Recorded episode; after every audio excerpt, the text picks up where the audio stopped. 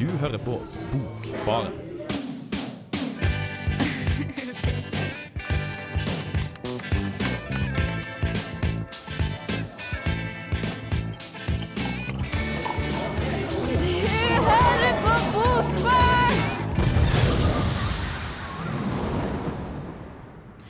Hei og velkommen til nok en ny sending med Bokbarn. Eh, velkommen til deg og Johannes. Tusen takk for det. Ja, for I tillegg til meg og Johannes i studio, så har vi jo fått med oss eh, vår felles venn og litteraturviter Even Teistung. Ja, god dag. Hei! Hei. Eh, vi har jo egentlig alle tre, eller i hvert fall du og jeg, men i samarbeid kommet fram til dagens tema for sendinga. Ja, vi henger med. Ja, Jeg har ingen skyld i det. Okay. OK. men eh, kanskje, du, kanskje du vil si her det du ikke har skyld i, Johannes? Ja, det er jo, det er jo um, litteratur og erotikk, da. Mm, Erotisk litteratur kan man kanskje heller si. ganske pirrende tema. Veldig pirrende, vil jeg si. Absolutt. Nei, men eh, det, har du lest mye erotisk litteratur før? Jeg har vel sånn Jeg vil si at det er litt blanda. Man kommer litt borti det. kanskje. Det er jo innslag av erotikk i mange slags litteratur. Man kan eh, komme over et samleie. det er. Ja. Um, altså man kan uh, altså lese, slumpe til å lese sånne ting, da, at det skjer som en del av handlinga. Men sånn utprega erotisk litteratur der det på en måte det er hovedsaken, nei, det har ikke jeg, det har jeg ikke lest så mye av. Nei, for, for min del, jeg gikk jo på et tidspunkt egentlig litt inn for det. det jeg oppdaga at uh, forlagene Spartacus og Kage hadde gitt ut noen sånne små serier på starten av 2000-tallet med erotisk klassisk litteratur og moderne litteratur i sånn felles øh, utgivelsesprosjekt, egentlig. Eh, Så da, jeg vet ikke, jeg ble interessert og kjøpte det opp og leste egentlig det meste av det. Og holdt på å si, det har jo en øh, åpenbar interesse egentlig utenfor det rent erotiske, og det er jo kanskje der interessen hovedsakelig ligger. At det er noe annet enn bare holdt på å si, grove bøker. Ja for, det, ja, for det er jo ikke bare erotikk, selv om det kanskje er, eh, er det, mest, det er jo det mest påfallende med de her bøkene, kanskje. De her litt grafiske, grafiske Uten tvil. Ja. Men, eh, men det er jo så mye mer til de her eh, narrativene som vi òg egentlig skal prate ganske mye om i dag. For vi har jo alle sammen lest Marquis de Sades Justine, eller Dydens ulykker, som, som vi skal diskutere en del. Um, dette er jo ei sending til to. Vi har jo rett og slett en erotisk føljetong planlagt i Bokbarn, så det er, det er i dag. Og så, neste tirsdag så skal vi prate litt om, om erotikk, da. Men i dag så skal vi ta for oss eh, Frankrike på 1700-tallet, og stort sett Marquis de Sade. Justine prate litt om, om erotikken og hans ideer. Og så har vi jo musikkproduserte sjæl. Og du, Even, har jo fått valgt første låta vi skal høre nå, Suede med 'Animal Nitrate'. Herfra har du vært den. Det, altså, det er en sånn slags forestilling jeg har egentlig om det, det britiske 90-tallet. eh, og spesielt det, det, Suede er jo kanskje et av de første bandene i overgangen fra 80- til 90-tallet som setter i gang det som seinere blir kalt for britpop. da. Men, mens den seinere britpopen er veldig sånn der Det er gutta! Mens uh, Suede er inspirert av Bowie. Det er en sånn, på sånn der sleazy seksualitet som renner gjennom det hele. Sånn veldig sånn møkkete håper å si, blokkseksualitet som ligger i det hele. Og spesielt Animal Nitrate er jo en åpenbart sånn lystig sang, nærmest. Det, et refreng What does it take to turn you on? Om igjen, om igjen, om igjen. Det er, det er jo perfekt for temaet. Ja, da tror jeg bare vi hører den. Det er altså erotikk i høysetet i Bokbarn i dag. Eh, og selv om vi kanskje har høves med mer eller mindre entusiasme over, over noen av disse narrativene om her, så, så har vi òg søkt eksperthjelp til å egentlig få plassert oss litt i litteraturhistorien øvrig og, og historien, da.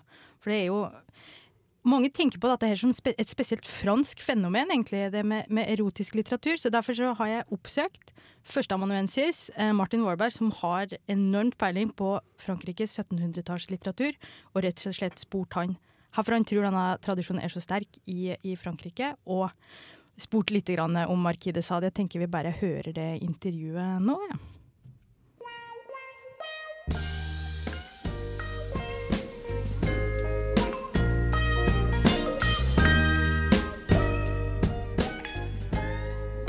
I kunnskapens høgborg Dragvoll, omringet av bøker, finner førsteamanuensis Martin Warberg, som har spesialisert seg på fransk litteratur på 1700-tallet.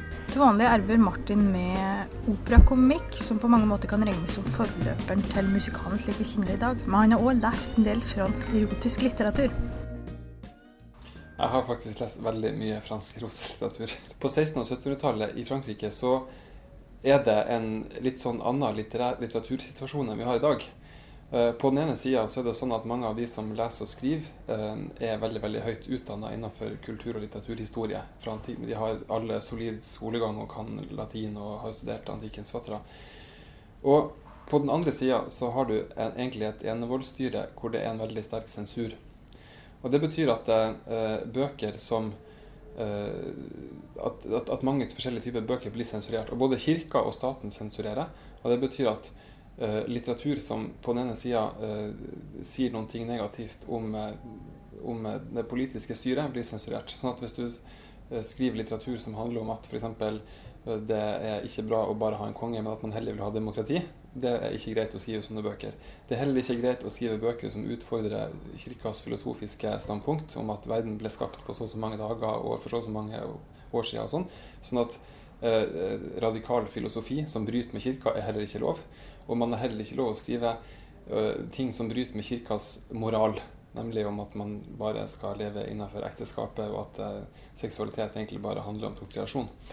Og Dermed så får du en litteratur hvor alle de her tre elementene blandes. Man får masse lærde bøker hvor man har liksom lange filosofiske utlegninger om eh, erkjennelsesfilosofi, inspirert av Hobbes eller Hume og sånn. Og eh, på den andre sida eh, kritikk kanskje av, eh, av, hvordan staten styres, og masse erotikk. Og det er en ekstremt spesiell type litteratur som er skrevet av helt sinnssykt. Eh, det var de aller aller dyktigste forfatterne i sin samtid. De henga seg til sånn her type skriving. Og det, når man tenker etter, så er det ikke så rart, for det var de tre tingene man ikke fikk lov å skrive.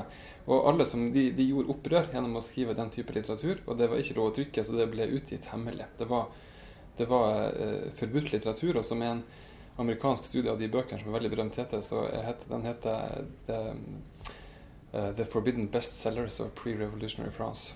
Så før den franske revolusjonen så var denne type bøker forbudt. Denne libertinerkulturen som Martin forteller om, knyttes særlig til Frankrike og Storbritannia på 1600-1700-tallet. Libertinerne levde fritt og uavhengig til datidas moral, og omfavner livets fysiske og sanselige nytelser. De var også lærde å bekjempe trangen fra moralske og ideologiske forbud. Og blant disse lærde, dyktige forfatterne finner vi Marquis de Sade, som levde mellom 1740 og 1814. Marquis de Sade utfordret og brøt grenser for sømmelighet og religiøsitet, og hadde vel på mange måter et prosjekt om å si alt. Sade er jo omspunnet av veldig mange myter, og veldig mange tror at han gjorde alt det som står i bøkene hans. Og det gjorde han antakeligvis ikke. Men han hadde en svigermor som var veldig opptatt av at eh, hennes egen datter skulle klatre i i adelshierarkiet, for han sjøl var veldig høy i adelstand. Uh, og han var nok en villstyring og gjorde veldig mange ting som ikke var greit. Blant annet så stakk han av til Italia med sin eh, kones søster. Og uh, hun svigermora hun agerte intenst for å få han satt i fengsel. Dermed satt han veldig lenge i fengsel, og når han satt i fengsel, så skrev han om erotikk. Og han skrev lange bøker med filosofiske utlegginger. og uh, mange og lange uh, erotiske passasjer. Hvor eh, han eh, på en måte finner på de aller mest hinsides eh, eh, hva skal jeg si, seksualiserte ting som man egentlig kanskje ikke engang klarer å forestille seg. Og han er derfor en forfatter som jeg tror faktisk eh, få forfattere i dag i ettertida har klart å overgå når det gjelder grader av sinnssyk perversjon, egentlig. Men det man på en måte må si, da, det er at både Sad og de andre forfatterne innenfor denne tradisjonen på 1700-tallet, de er ekstremt dyktige forfattere. De, har en, de skriver helt utrolig bra. De mestrer språket helt sinnssykt bra. Sånn at det er en fryd å lese, rett og slett fordi at det er så utrolig velskrevet. Og på mange måter så tror jeg også at eh, mye av utviklinga av litteraturen skjer innenfor den sjangeren. Det er f.eks. få eh, romaner på 1700-tallet som har så mye beskrivelser av naturlige årsaker som de her eh, erotiserte romanene. Rett og slett fordi at skal man skrive om sex, så må man også beskrive det. Og dermed, så du kan si at den realistiske utviklinga mot en realistisk litteratur Det skjer jo en utvikling på 1700-tallet hvor man går fram mot den realistiske romanen som på en måte oppsto på 1800-tallet. Den utviklinga skjer faktisk til en stor grad eh, innafor denne litteraturen. Og, og Sadd er også en av ytterst få forfattere som f.eks. skriver teoretisk om hva en roman er for noen ting. Han er en ekstremt seriøs og veldig veldig dyktig forfatter. Altså I tilfellet Sadd er det også veldig interessant, fordi han skriver ikke bare om eh, erotikk eller sex for sexens skyld. Det, det, inngår i et på en måte filosofisk prosjekt. På 1700-tallet så har man en filosofi som bryter med kirka, som bryter med den kirkas moraltradisjon. Man sier at eh, man, man, er inspirert av empiristisk filosofi, sånn som alle lærer om på X-Fill, av Hume og Lock og sånn. Og så man sier at allting kommer fra sansene, og mennesket er på en måte bare en maskin. Og antageligvis er også sanseapparatet og hjernen egentlig mekaniske ting. Og dermed så kan man også kaste kirkas moral på båten. Og det finnes ingen moral lenger. Og Sad tar på en måte den, den tankegangen ut til sitt ekstreme ytterpunkt og ser hva som kan skje hvis det ikke er noe moral. Så på en måte så kan man se hele fatterskapet som et filosofisk eksperiment om hvor galt det kan gå. Marquis de Sade er nærmest samtidig med en annen forfatter og kjent opplysningsfilosof, Jean-Jacques Rousseau. Og der Rousseau er opptatt av sømmelighet, dyd og fornuft, så er de Sade mer eller mindre opposisjon mot det her. Men jeg har òg hørt det at eh, Marquis de Sade og, eller skrev litt for å provosere en annen samtidig forfatter, nettopp eh, Rousseau. Her er forholdet mellom dem. Ja, altså Det er nok et ganske ambivalent forhold, fordi at eh, ja, man kan si at han provoserer Rousseau. Nå er jo også Sade en forfatter som befinner seg litt etter Rousseau, sånn rent eh, historisk. Men samtidig så er jo også Sade åpenbart inspirert av Rousseau. Fordi at eh, Rousseaus roman eh, La Nouvelle Eloise, eller Julie ou La Nouvelle Eloise, den var jo sin, den mestselgende romanen i hele Europa når den kom ut på begynnelsen av 1760-tallet. Og det er jo en brevroman, sånn at hele romanen består av brev.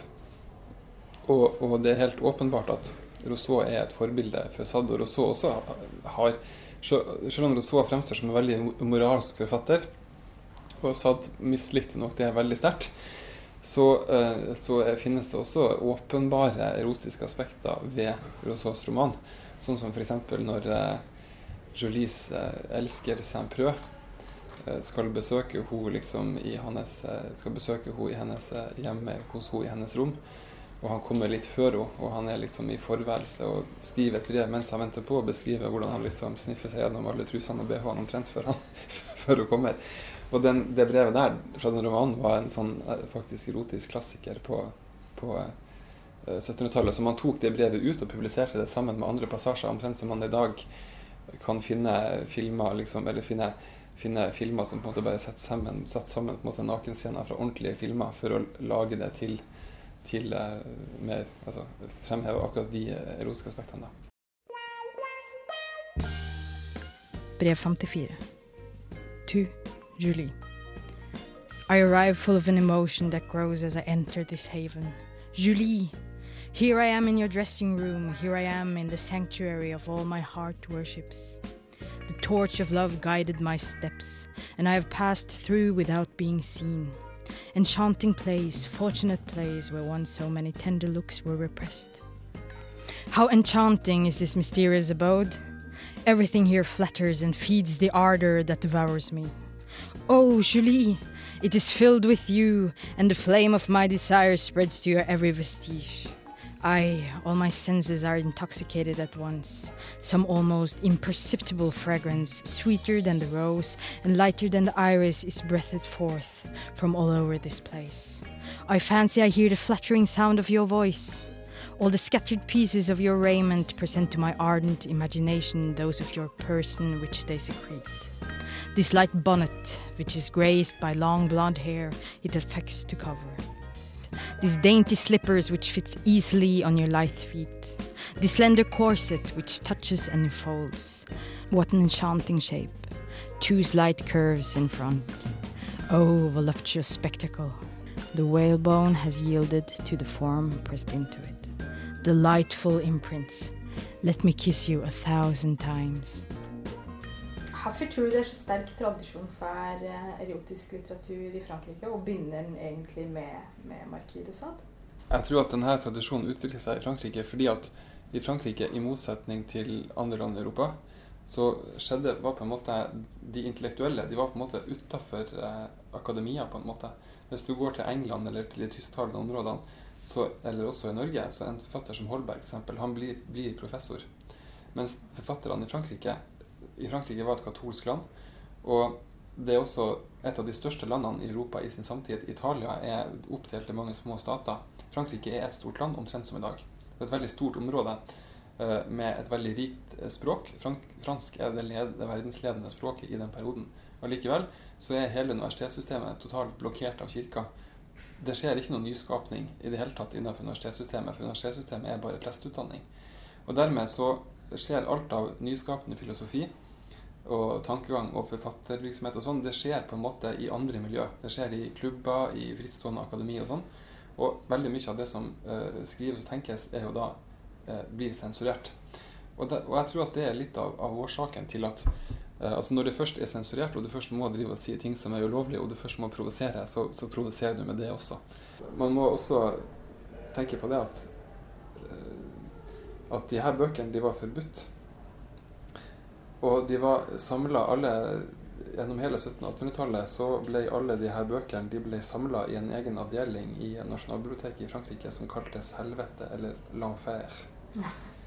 Og eh, det var et eget rom som altså het Helvete, hvor de her bøkene sto på rekke og rad.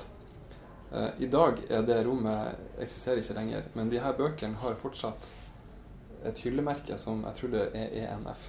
Jeg husker ikke helt. Det er også, syns jeg, verdt å tenke på at eh, vi tenker jo på oss sjøl som veldig frigjorte i dag. da. Vi tenker at vi har et samfunn som er veldig fritt. Vi har ja, stor forståelse for eh, mange sider ved seksualiteten som tenker vi sjøl.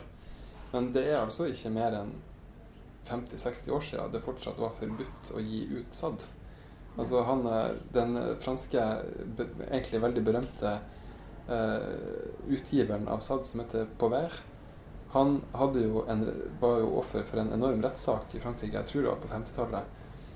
Uh, jeg husker ikke datoen nøyaktig. Akkurat som vi har Mykle-saken i, Norge, så, så sto han tiltalt for retten for å ha gitt ut SAD. Så kanskje har ikke ting endret seg nevneverdig fra 1700-tallet. Og ikke bare er forfattere som skriver erotikk både intellektuelle og dyktige litterater, men romanene deres, med beskrivelser av seksualakten og det som verre er, er både filosofiske prosjekt og forløpere til det vi i dag kjenner som den stilhistoriske epoka realismen. Så i tillegg til å provosere er den erotiske litteraturen og et uttrykk for samtida. Mot kjærkja, mot moralen og mot sensur.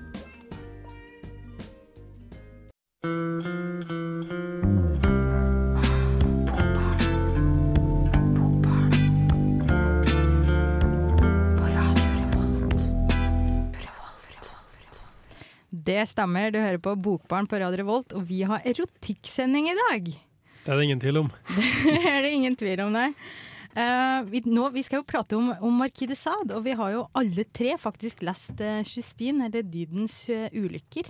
her er det, her er det, det, det, kan vel klassifiseres som en roman? Ja, det vil jeg nå si. Ja. håper å si. En typisk sånn fransk 1700-tallsroman i arven etter en sånn slags dannelsesideal, kanskje. Eller en pervertering av det. Ja, ja, ja. Her, her handler det om? Ja, jeg vil, si at se, jeg vil si at den kan kalles en roman, ja. ja. Det handler om to søstre. Der uh, ei um, Justine og Juliette, er det? Mm. Som, der ei da er ganske umoralsk og kynisk og tar seg til rette og utnytter folk og, og, og prøver å oppnå egen vinning, da. Og den andre er veldig dydig, da. Uh, hva undertittelen sier det? Justine eller det, Dydens ulykker. Dydens ulykker, ja. Og du, jo, det er jo kort oppsummert, egentlig. Ja. For det går jo ikke så bra med denne søstera. Så hun bare Samme hva hun gjør og prøver på å være dydig, da. Så går det bare hver og hver og hver. Og det er episode på episode som fortelles om i boka, da. Der, hun, der det skjer nokså elendige ting, vil jeg si. Ja. Sant nok. Det er det. Og det er en, eh, hele romanen er vel egentlig strukturert som en lang bekjennelse. At uh, Juliette møter Justine uh, etter ei tid, og, og, Justine forteller Juliette uh, alt det her, da. I skjul, vel å merke. Ja. Mm. Men jeg merker meg det, Even, at det, når vi har pratet om denne romanen tidligere, så har du irritert deg litt på Justine. Ja, altså det har vel sin naturlige årsak, vil jeg tro. Det, jeg stemmer i med Jens Bjørneboe, som har oversatt den til norsk, som i forordet sier at når Justine etter hvert utsettes for alle disse ulykkene, så er det som om man som leser egentlig fryder seg litt. Uh, og det er jo kanskje en absurd ting å si, men uh, samtidig så Justine er jo på en måte, hva skal man si, litt for dydig for sitt eget beste. Hun på en måte setter jo sin totale lit til at forsynet skal hjelpe henne, og at hun har retten på sin side, loven og retten og himmelen egentlig på sin side. Eh, og når det da ikke går så mye, så er hun jo egentlig bare sta og full av forventning om at verden skal bifalle henne og hjelpe henne i nød. Istedenfor å se virkeligheten sånn som den er, da, sånn som søsteren hennes jo gjør. Som da håper å si, tar seg av situasjonen ved å gjøre litt grovarbeid. Ja. Om man kan kalle det det. Ja. Ja, det er enig og jeg tenker på det han Martin Våleberg som du intervjua, Siri, sa, at det, det, har et filosofisk prosjekt her. da, for at det er der, som du sier, uh, even når hun, det ikke går som hun vil, da, så da skriver jeg tror Bjørneboe nevner det i forhøret, at det er en slags sjølmedlidenhet òg. Mm. At hun på en måte bruker liksom det at hun er dydig. da. Det er på en måte et slags um, forsvar da, mot at noe sånt skulle skje med hun, men så gjør det jo det. Men hun på en måte tar ikke noe annet grep. da. Mm. Hun er på en måte ikke pragmatisk i det hele tatt. Så jeg tenker på som en slags uh, ja, slags karakter som er ganske sånn verdensfjern, i motsetning til søstera som på en måte utnytter alle muligheter og bestandig tar grep om og gjør ting til sin fordel. Ja, jeg er for så vidt enig i det, eh, og, og jeg syns òg at det Eh, slutten er ganske artig. Eh, eller den er veldig ironisk, og jeg tenker det her må jo være lov å spoile. Det er jo en eh, roman som er over 300 år gammel. Eh, her er det som skjer til slutt. Ja, det, det, er jo det at uh, det avsløres at uh, Justine er søstera til Juliette. Og, og, hun får straffen for, uh, altså for ugjerninga, da. Hun som er så dydig, får, blir straffa. Ikke? Nei. Hun, de, de, ja, for de forsones jo. Ja, søstrene forsones. Ja, ja. Og Justine blir jo drept av lynet. Ja, altså Det er jo som om naturen egentlig hevner seg på henne når det endelig begynner å gå hennes vei. Som ja. om det er håper å si, divine punishment ja. når det kommer til stykket. Shit, jeg har fått med meg. Oh, ja. Spoiler. Spoiler. ja, nei, men hun blir, hun blir, rett og slett sligen etter lyn og, og drept, da, og søstera hennes overlever jo. Og det, og, synes, det, er det som gjør det så artig, eller så ironisk avslutningsvis, er For det, når det endelig går hennes vei, så tas hun til dage. Da, så det som på mange måter framvises, er jo at uh, uansett at de du der, så, så, vil det aldri gå din vei. Går det hennes vei? Skal ikke dømmes på slutten av? ja, hun, det går hennes vei? Det, ja, hun frikjennes vel, og så sånn, ja. blir hun drept av lynet en, en, eh, måned etterpå. Ja, Det er ganske ironisk. Det er det. Men, uh, men som det ble nevnt her, så har jo Markide Sad et filosofisk prosjekt her, og det tenkte vi skulle prate litt mer om. Men først skal vi høre X-Ray Specs med Oh Bondage Up Yours.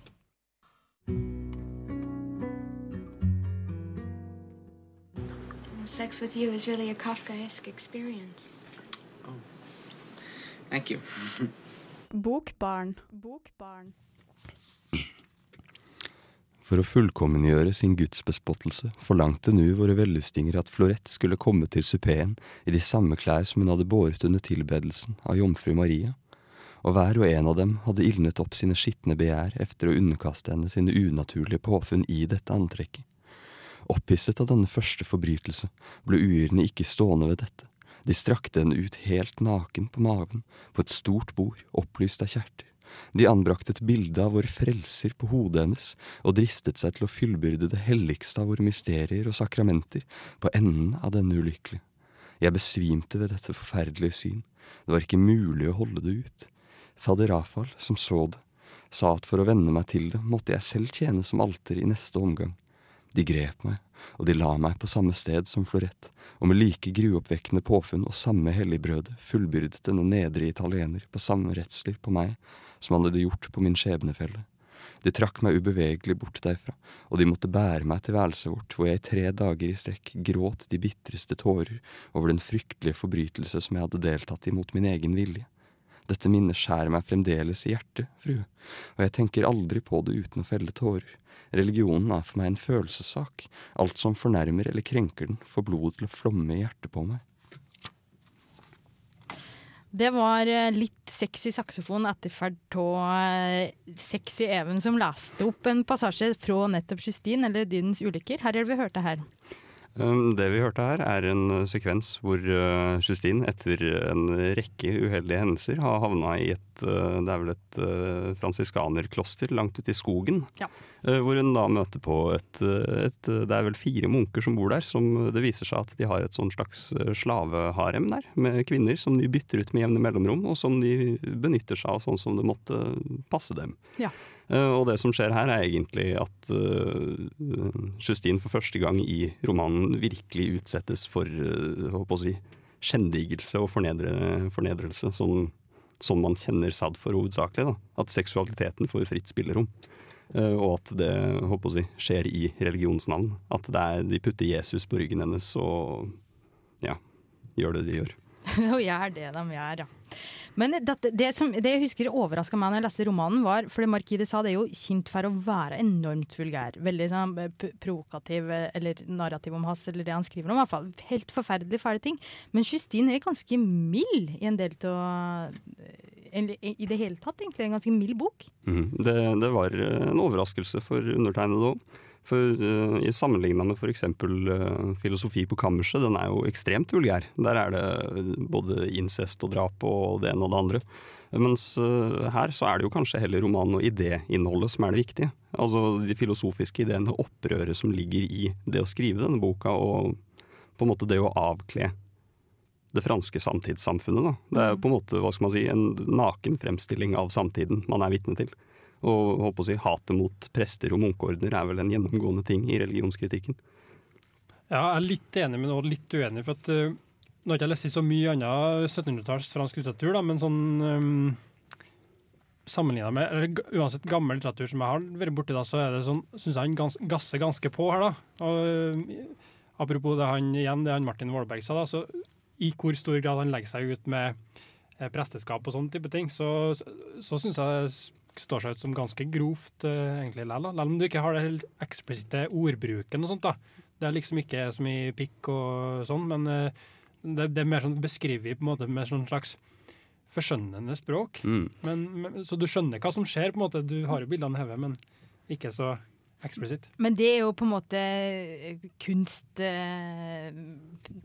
fra, fra Marquis de Sade sin side òg. Det at han har valgt å formidle dette her gjennom nettopp Justins munn. Da, for det, moralen er jo på en måte noe forsynet har pålagt henne. Og det her vokabularet hun har for å prate om seksualitet og, og det her styggelige, er jo noe hun har ervet, ikke sant? Hun, så hun har jo hun bruker eufemismer, hun bruker liksom omskrivninger for å, for å prate om det. Ja, og det, det er ganske underholdende bok å lese. Ganske spennende. For at, eh, ja, som vi snakka om i stad, det er litt sånn opplistninger med hva som skjer. Det er på en måte en sånn bekjennelse, som du sa, sier at det fortelles. Eh, og så skjedde det med meg, og da gjorde jeg det, og så skjedde det.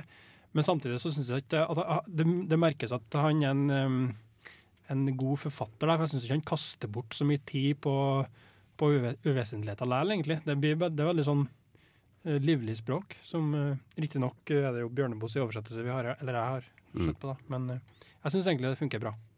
Ja, absolutt. Og det er jo ikke bare ja, som, vi, som vi, Martin sa i intervjuet, og som vi har pratet litt om, så er det jo et filosofisk prosjekt Markide Saad har. Og her så kommer det jo veldig tydelig fram gjennom den her ironiseringa over dyden. Da, og, og her det i her stor grad det å være dydig kommer til å lede deg fram til en, en god bane i livet. Og så er det jo en ganske krass kritikk til kjerkja og kjerkjas moral som kommer tydelig fram her. Det vet jeg du har bitt deg litt merke i, Even, de her ideene han framskriver. Ja, nei, altså Spesielt i forhold til det med kirken. Da, det er jo sånn, som jeg nevnte, det er jo en gjennomgang, et gjennomgangstema i litteraturen på 1700-1800-tallet. Tenk på Ibsen. der er jo Alle prestene er jo de som får gjennomgå i hvert eneste stykke de dukker opp i, egentlig.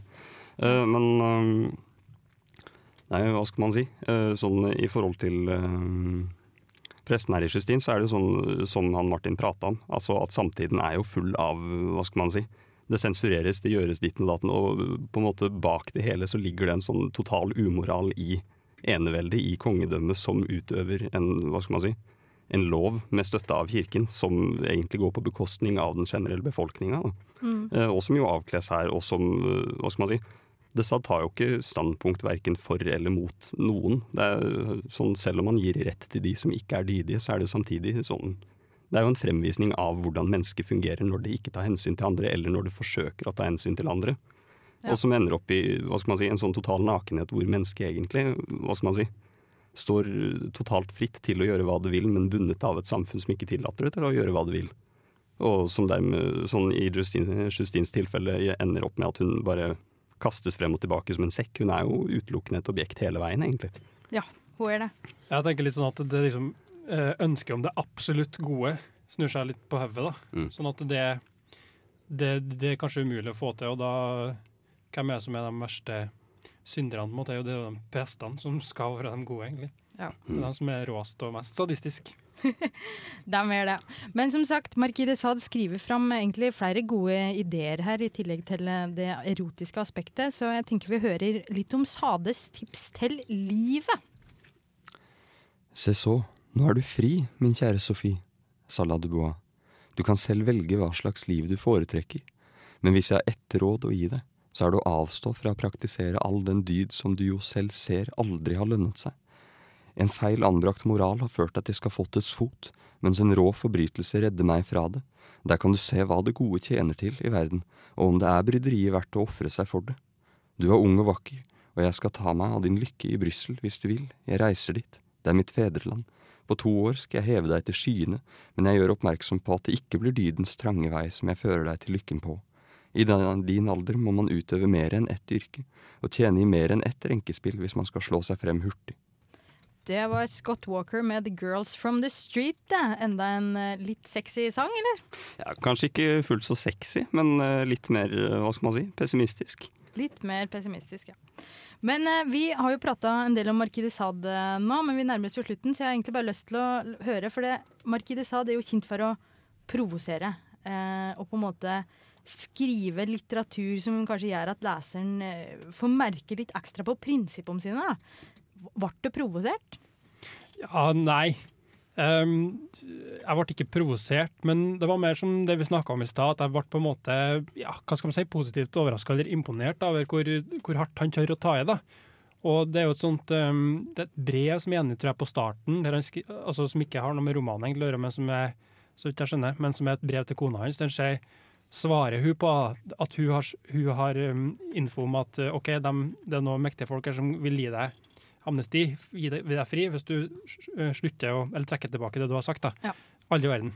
Nei. Da vil han heller uh, være en ufri mann. Så jeg er mer sånn imponert over det. Men provosert? Nei. Jeg Tror egentlig ikke det. Nei, er- jeg sitter kanskje igjen litt med det samme, men jeg gikk jo på en måte inn med den forventningen man har til det sa, at han er ekstremismens mester når det kommer til den slags. Men, øh, men øh, det er jo heller, hva skal man si, det er i tråd med opplysningstankene, egentlig. Det er egentlig et belysende verk på mange måter. Man sitter jo igjen med en sånn slags øh, følelse av at man faktisk har lært noe, eller at man kan innse noe hvis man leser det og tenker litt over det som står der. Ja, Enig, og så tenker jeg at han tar på en måte tak i et emne som kanskje ikke var behandla. Ja, ja jeg, jeg, jeg tenkte Markide de Sade før jeg leste Justine for et par år siden. Så tenkte jeg yes, det, det her er nok ikke noe jeg er så veldig interessert i, for jeg er ikke egentlig veldig glad i erotisk litteratur. Men jeg ble, ja, ble overraska over Ja, som du sier, opplysningsidealen som kommer så tydelig fram. ikke sant? Og bare Det er litterær kvalitet, altså. Ja, ja. Ja. Nei, for det, jeg syns jo på en måte det som var påfallende, var likheten med Voltaires Candide. Altså den dannelsesreisen mot Ja. en erkjennelse av livet. Ja, ja, men de var gode satirikere, franskmenn om. Men eh, nå skal vi bevege oss kjapt fra Frankrike over til en annen libertiner som har sete i Storbritannia, faktisk. Nemlig Jana Rochester. For forrige uke lanserte jo vi en ny spalte, Ukas dikt. Og denne ukas dikt er The Mock Song av libertineren Jan A. Rochester.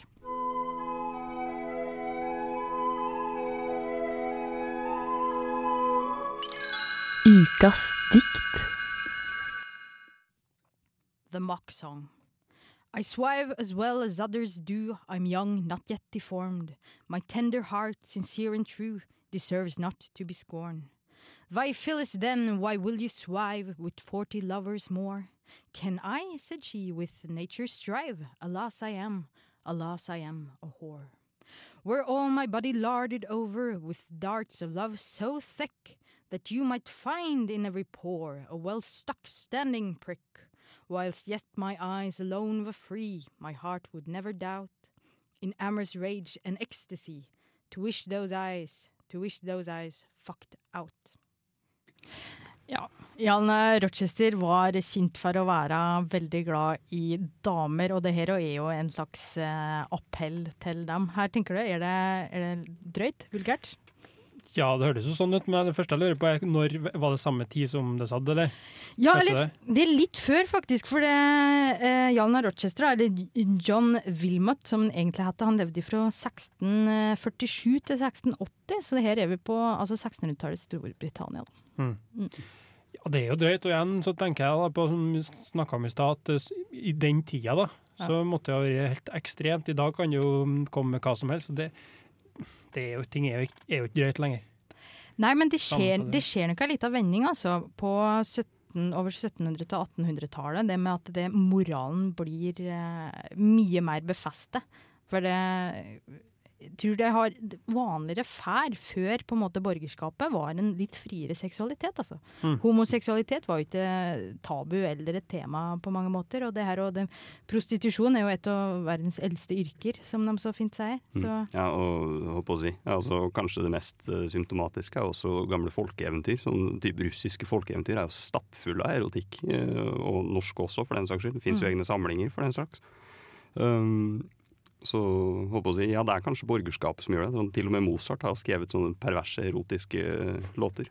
Ja. Lekk meg en arsj', som det heter. Ja, så Det er jo langt ifra uvanlig, og det har jo blitt stående som, som på en måte i, i kanon nå, dette her. da. Men eh, vi skal jo som sagt og neste tirsdag ta for oss eh, erotisk litteratur, og da er det rett og slett eh, Georges Bataille, Louis Aragon eh, og diverse som står på de franske surrealistene på 20-tallet. Eh, vi runder av for i dag. Takk til Johannes, takk til Even, og takk til vår rep eh, tekniker Rebekka. Og du der ute kan kose deg med Salt and Peppers. Push it.